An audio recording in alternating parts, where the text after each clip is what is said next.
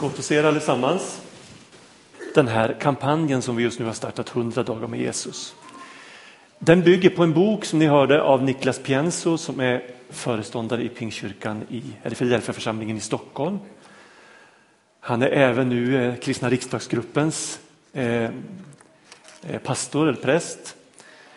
Eh, och eh, boken i sin tur bygger på Johannes evangeliet. Finns inte boken i tillräckligt antal här ute så tror jag att det går att beställa den genom att eh, prata med mig efteråt eh, så ska jag se till att, att vi beställer tillräckligt många eh, böcker. Det går också att lyssna på den här boken på eh, närradion om du eh, brukar lyssna där. Varje morgonandakt i anslutning till den och i anslutning till varje söndagsgudstjänst så kan du lyssna på boken inläst. Vi har också den här foldern som du kan dela ut och bjuda med vänner till gudstjänsterna. Jag vill också säga något kort om vår alfakurs. Alfa är en grundkurs i kristen tro. Den startar 21 februari.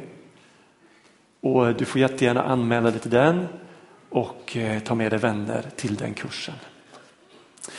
Det var det. Nu ska vi se om vi får fram en bibeltext här. Ta nästa bild.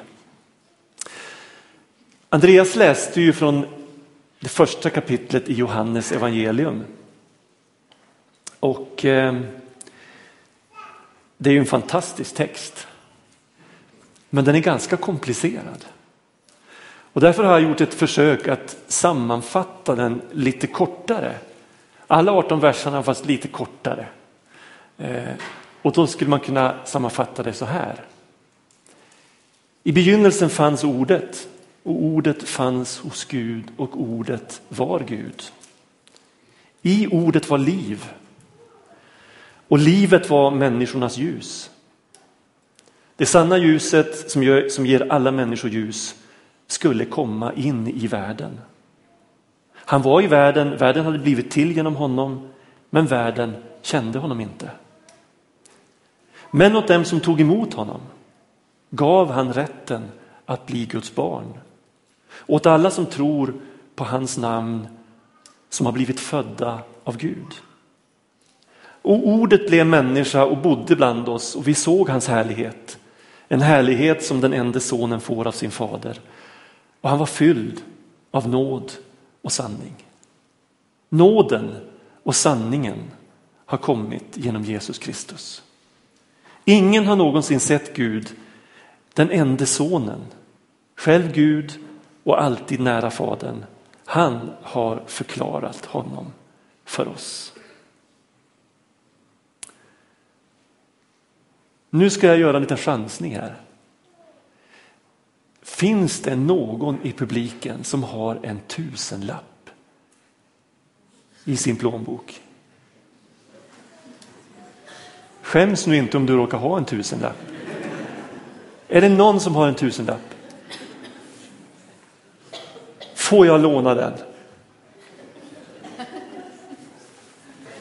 Det räcker med en.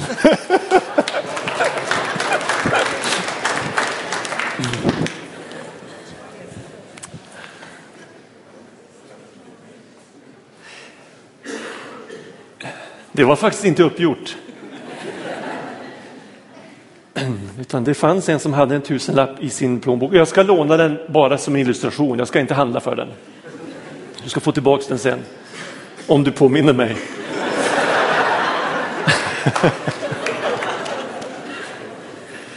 Jag hörde nämligen berättas. Vet ni hur man tränar sådana som behöver kunna skilja mellan äkta och falska tusenlappar? Eh, man gör egentligen bara en enda sak. Och det är att man studerar den äkta tusenlappen in i minsta detalj.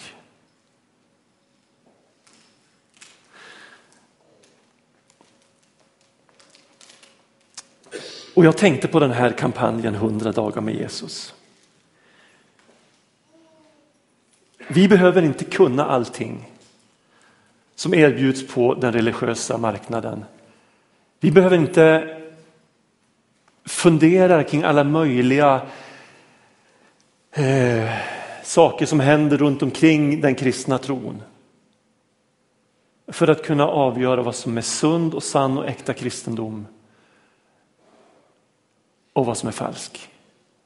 Utan det enda vi behöver göra det är att studera Jesus in i minsta detalj. Ibland möter jag människor som säger så här, men hur ska jag kunna tro på det här? Och hur ska jag kunna tro på det här? Och man är ganska förvirrad. Ehm, och då brukar jag säga så här, okej, okay, lämna allt det andra. Och så koncentrerar du dig på Jesus. Ägna din tid åt honom. Läs om honom. Be till honom. Umgås med honom. Eh, så ska du få se att det, det ordnar sig. Det är ingen mjukstart som Johannes gör när han skriver sitt evangelium och börjar med att måla bilden av Kristus. Man skulle kunna säga att han går direkt på, på, på vattenstämpeln. Den där som, som syns bara när man låter ljuset lysa igenom, men som man inte ser i vanligt vardagsbruk.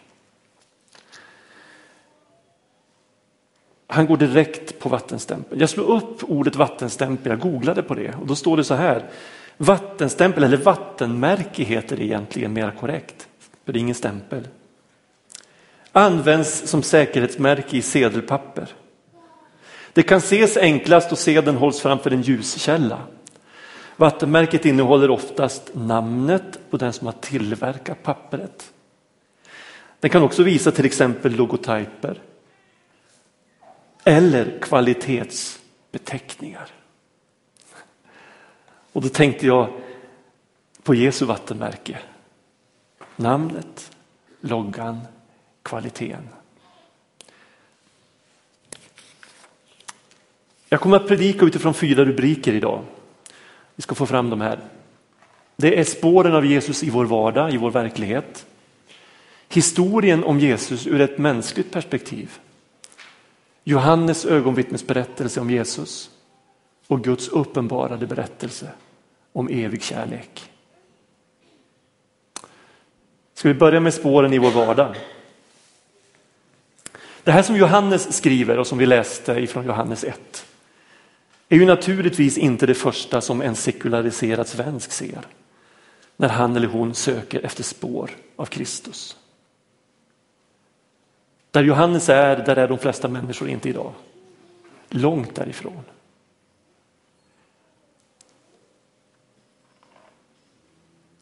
Sören Kierkegaard har sagt så här, och det här är viktigt.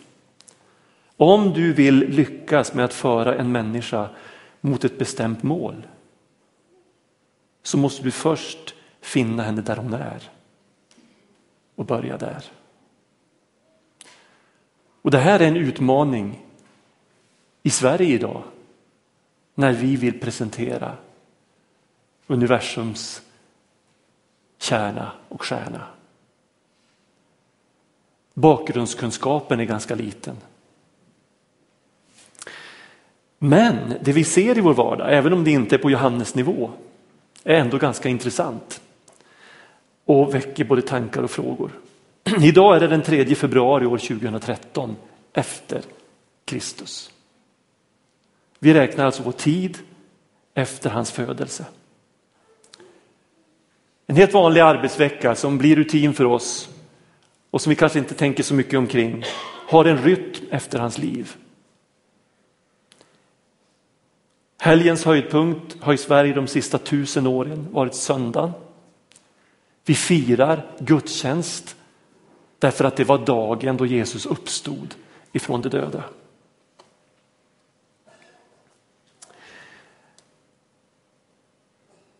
De flesta helger och högtider som vi firar hänger samman med Jesu liv. Några av de vanligaste namnen som vi döper våra barn till är hämtade direkt ifrån Jesu lärjungar eller andra kända kristna personer. Vi använder Jesus ord i vardagen som vi kanske inte tänker på eller ens vet att det är han som har sagt. Går du omkring i Lidköping en vanlig dag så blir du påmind många, många gånger om du är uppmärksam. Du ser en kyrka. Du pratar med någon om påsklovet. Du ser någon som går omkring med ett kors om halsen eller i örat eller på en tatuering eller på något annat sätt på kroppen. Du möter någon som heter Maria eller Andreas. Döpta efter Jesu vänner. Du kanske läser tidningen, läser annonser, artiklar i NLT. Det finns ganska mycket kyrklig verksamhet som berättas om i tidningen. Eller du bara reflekterar över dina egna innersta värderingar. Är du uppmärksam så kommer du att upptäcka att spåren av Kristus finns överallt. Mitt i din vardag. Om vi skulle titta i ett lite större perspektiv men ändå mänskligt så är det ju verkligen värt att tänka omkring hans oerhörda inflytande över vår verklighet 2000 år efter det att han föddes. Och det blir ännu mer anmärkningsvärt när vi tänker på att han aldrig reste mer än 20 mil från den plats där han föddes. Vi har ingen aning om hur Jesus såg ut. Han gifte sig aldrig, han fick inga barn. Han ägde i stort sett ingenting. När han dog så förstår vi att allt han hade var kläderna på kroppen. Han begravdes i en lånad grav. Han hade inte det minsta embryo till armé. Han var tvärtom konsekvent motståndare till allt våld.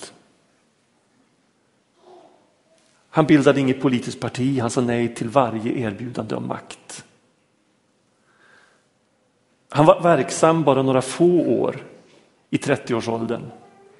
Delar av den perioden kan vi ana var hyfsat framgångsrika.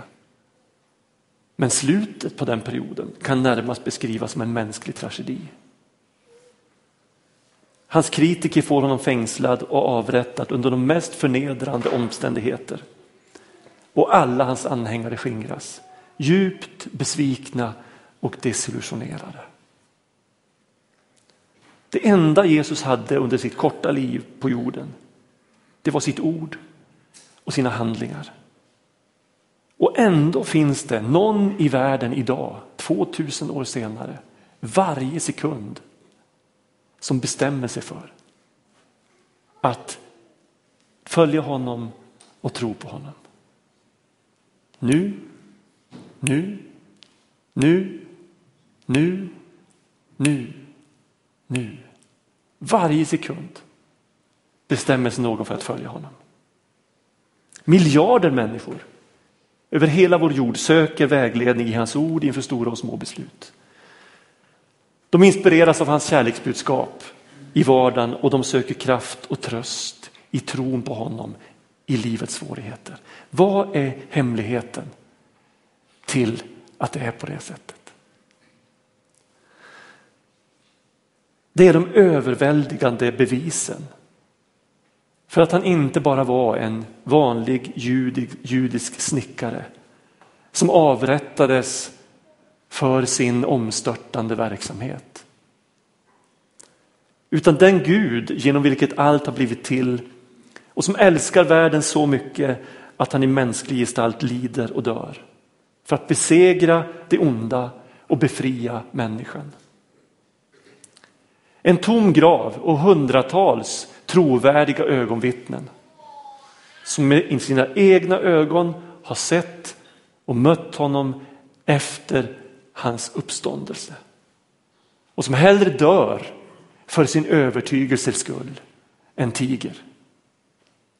Startar en rörelse som inom några århundraden fullständigt genomsyrar och förändrar den tidens världsmakt, romarriket. Det rike som man menar har haft det största inflytandet alla kategorier över mänskligheten.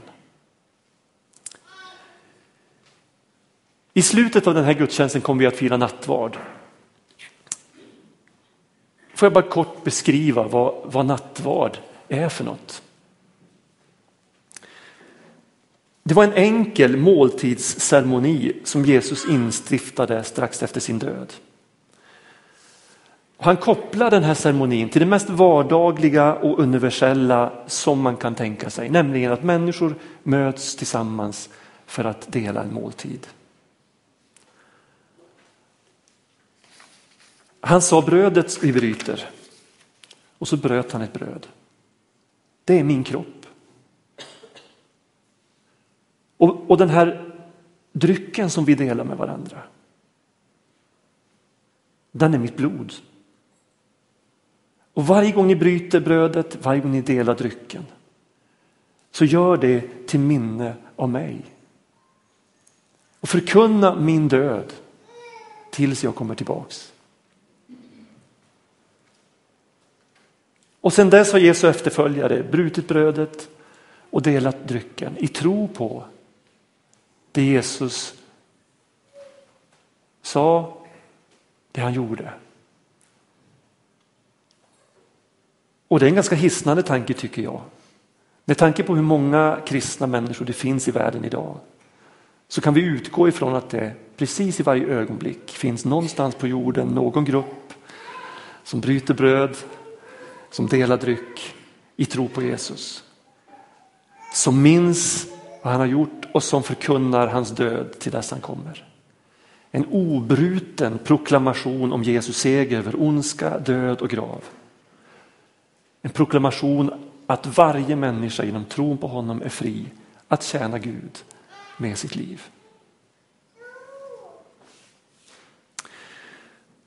Ska vi titta lite grann på den tredje rubriken. Johannes ögonvittnesberättelse om Jesus.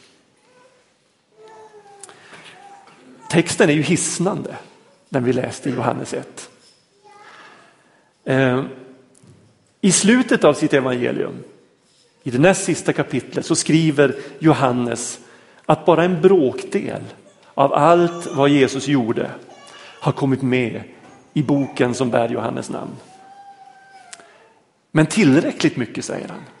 Han skriver så här, i den, vi kan ta fram den versen, i Johannes 20.31.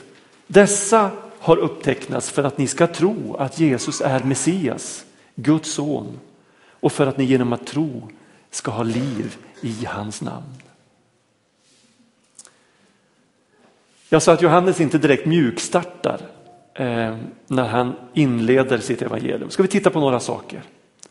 Han börjar med att säga i begynnelsen. Och det förstår ju ni att det, det är det, nu, nu är vi inne på någonting som övergår vårt förstånd.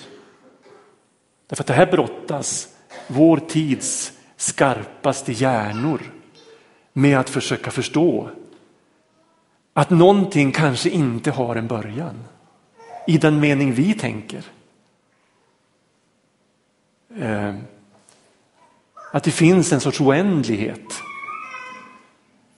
För annars kommer ju frågan, om det inte finns en oändlighet, vad finns, då, vad finns då bortanför den yttersta gräns vi kan tänka oss? Ja, det måste ju finnas någonting mer och någonting mer och någonting mer. Alltså det här är, det här är tankar som får våra, våra hjärnor att sätta stopp. Vad menar Johannes när han skriver i begynnelsen? Johannes växte ju upp i, i romarriket men också i en grekisk kontext. Ehm, där grekiska filosofers tankar och funderingar utgjorde väldigt mycket av vanliga människors eh, utgångspunkt. Och I den grekiska filosofin så famlade, famlade man, precis som vi gör, efter en utgångspunkt, en första princip eller ett första element. Man försökte att på filosofins grund knyta ihop början och slutet och låta båda förlora sig i någonting obegränsat. Så när Johannes väljer ett ord för att beskriva denna början eller begynnelsen som han säger så väljer han det grekiska ordet arke som just betyder begynnelse. Han använder det för att beskriva en början i absolut mening. Och han använder det på ett sådant sätt att det spränger alla tidens gränser. Därför att det är knutet till och används som benämning på Gud själv. Det finns ett liknande uttryck i en annan av Johannes böcker, Uppenbarelseboken, skriven några årtionden senare. Då citerar han Jesus som säger jag är A och O. Och A och O är första och sista bokstaven i det grekiska alfabetet. Jag är A och O, jag är den första och den sista, jag är början, jag är slutet. Man skulle alltså kunna säga att början och slutet som i vår begränsning kan uppfattas som ett tidsbegrepp i någon sorts begränsad mening förlorar sig i det obegränsade genom att uppgå i Gud. Gud som står över tid och rum. Och Det skulle förvåna mig väldigt, väldigt mycket om inte vetenskapen så småningom kommer fram till att det måste finnas någonting utanför tiden, bortanför vår eh, uppfattningsförmåga som en intelligens som har format den här verkligheten. Idag blir det fler och fler vetenskapsmän som överger de klassiska teorierna därför att man inser att det måste finnas en kreatör. Det måste finnas något intelligens bakom den här tillvaron. För den är alldeles för komplex. I begynnelsen var ordet, säger han. Det grekiska logos. Det här var en, eh, i grekisk, eh, ordet var i grekisk filosofi den ordnande och bestämmande principen i tillvaron. Den rationella och oföränderliga lag som styr alla förvandlingar och gör att tillvaron inte utgörs av kaos. Det var vad man hade lagt i ordet logos. Johannes tar det här ordet och så låter han det beteckna Jesus Kristus som person och kallar honom ordet med stort O. Vi ska titta på vad ett annat ögonvittne, Paulus, skriver. Han, Kristus, är den osynlige Gudens avbild, den förstfödde i hela skapelsen. Ty honom skapades allt i himlen och på jorden, synligt och osynligt, troner och herravälden, härskare och makter. Allt är skapat genom honom och till honom. Han finns före allting och allting hålls samman i honom. Och så den sista rubriken. Guds uppenbarade berättelse om evig kärlek. Ordet blev människa, skriver Johannes, och bodde ibland oss. Egentligen tältade ibland oss om man ska översätta grundordet korrekt. Alltså denna skapare blir människa, lever med oss. Gud uppenbarar sig i tiden för att vi ska kunna se honom och lära känna honom. Ingen har någonsin sett Gud, säger Jesus, men jag har visat honom för er. Varför blir han människa? Vad är syftet? Johannes säger, men åt de som tog emot honom gav han rätten att bli Guds barn. Och här hittar vi själva spetsen på Guds motiv. Att varje människa ska kunna få en relation med Gud. Åt de som tog emot honom gav han rätten att bli Guds barn. Allt handlar om att vi ska återknyta gemenskapen med Gud, vår skapare. Och lära känna honom på nytt. En gång skapades vi till hans avbild, men avbilden har grumlats, ibland till oigenkännlighet. Men vi kan få återknyta kontakten med Gud, vår skapare, genom tron på Jesus Kristus. Men åt alla de som tog emot honom gav han rätten att bli Guds barn. Det säger oss att vi kommer hem. Vi blir barn till Gud, vi kommer hem. Han röjer vägen, han säger följ mig, han säger håll mig i handen så ska jag se till att du kommer ända hem. Och han visar sig och motivet är evig kärlek. När Jesus själv får frågan varför har du kommit? Så säger han, så älskar Gud världen. Att han gav den sin enda son för att de som tror på honom inte ska gå under utan ha evigt liv. Ty Gud sände inte sin son till världen för att döma världen utan för att världen skulle räddas genom honom. Guds uppenbarade berättelse om evig kärlek. Därför kallas den här boken inte bara för bibel utan det är också ett kärleksbrev ifrån Gud själv. Och Det här är en av de tankar som jag ofta, ofta, ofta återkommer till i min egen bön, i min egen relation med Gud.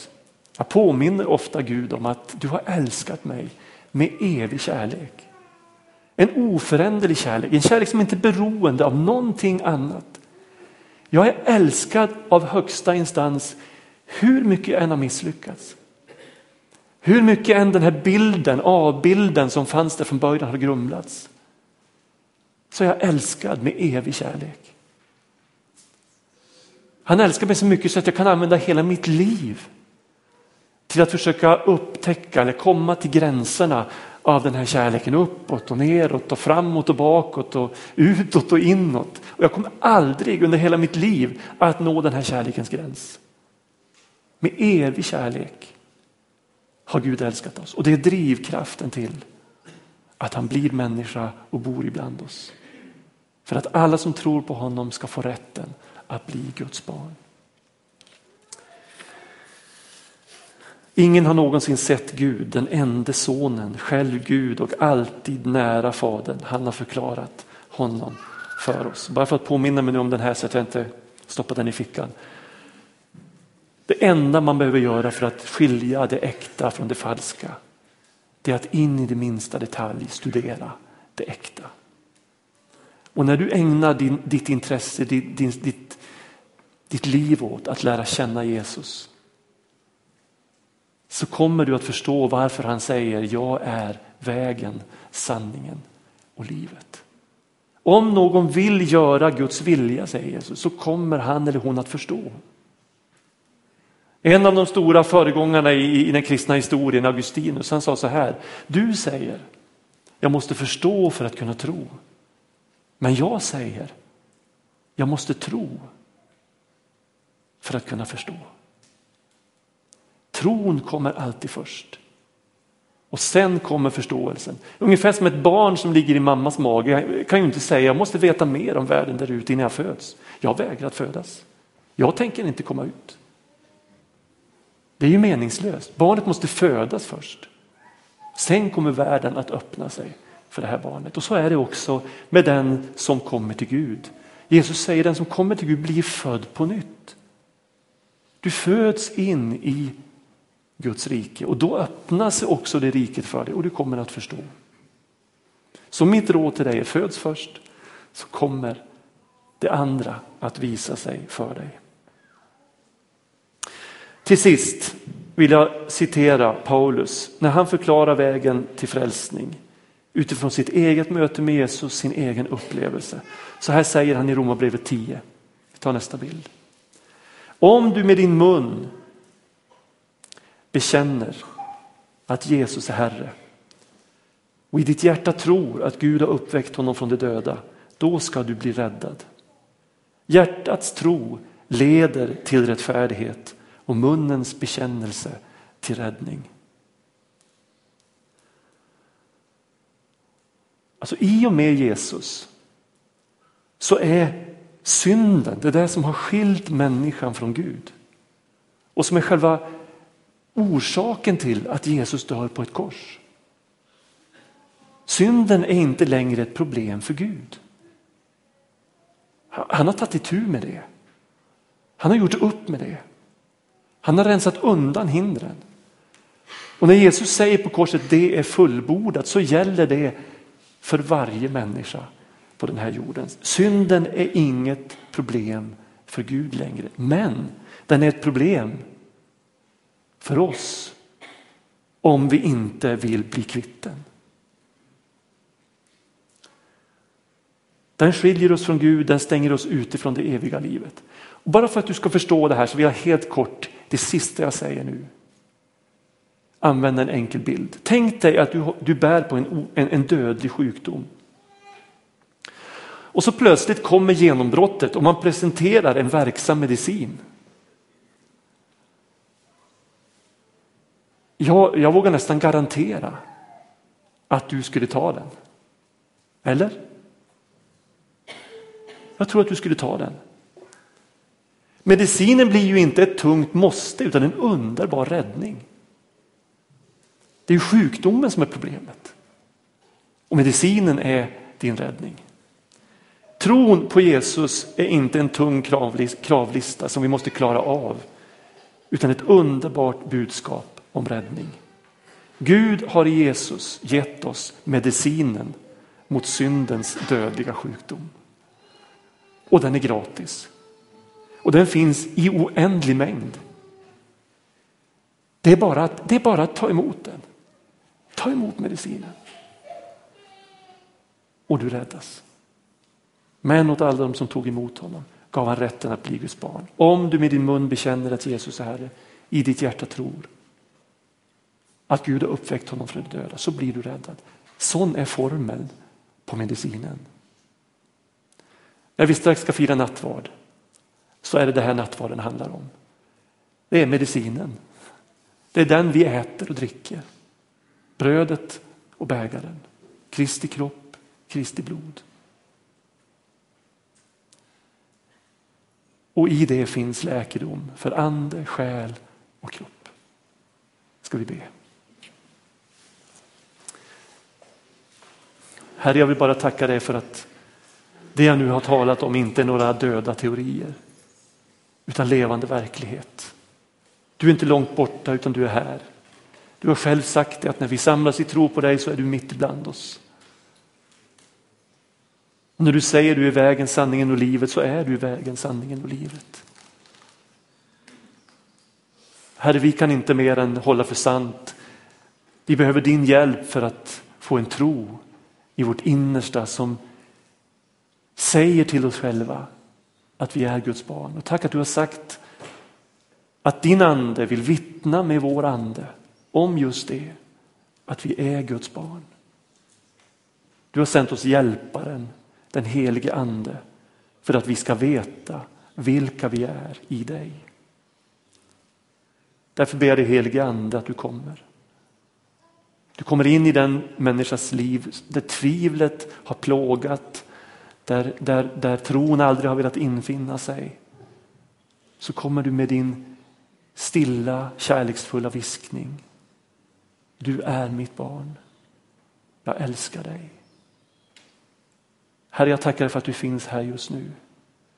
Du är inte långt borta utan det räcker att jag sträcker, bildligt talat sträcker min hand ut och tar emot din hand. Tack att du alltid fattar den och du släpper den inte så länge jag vill att din hand ska hålla min. Tack att du alltid hör min bön. I Jesu namn. Amen.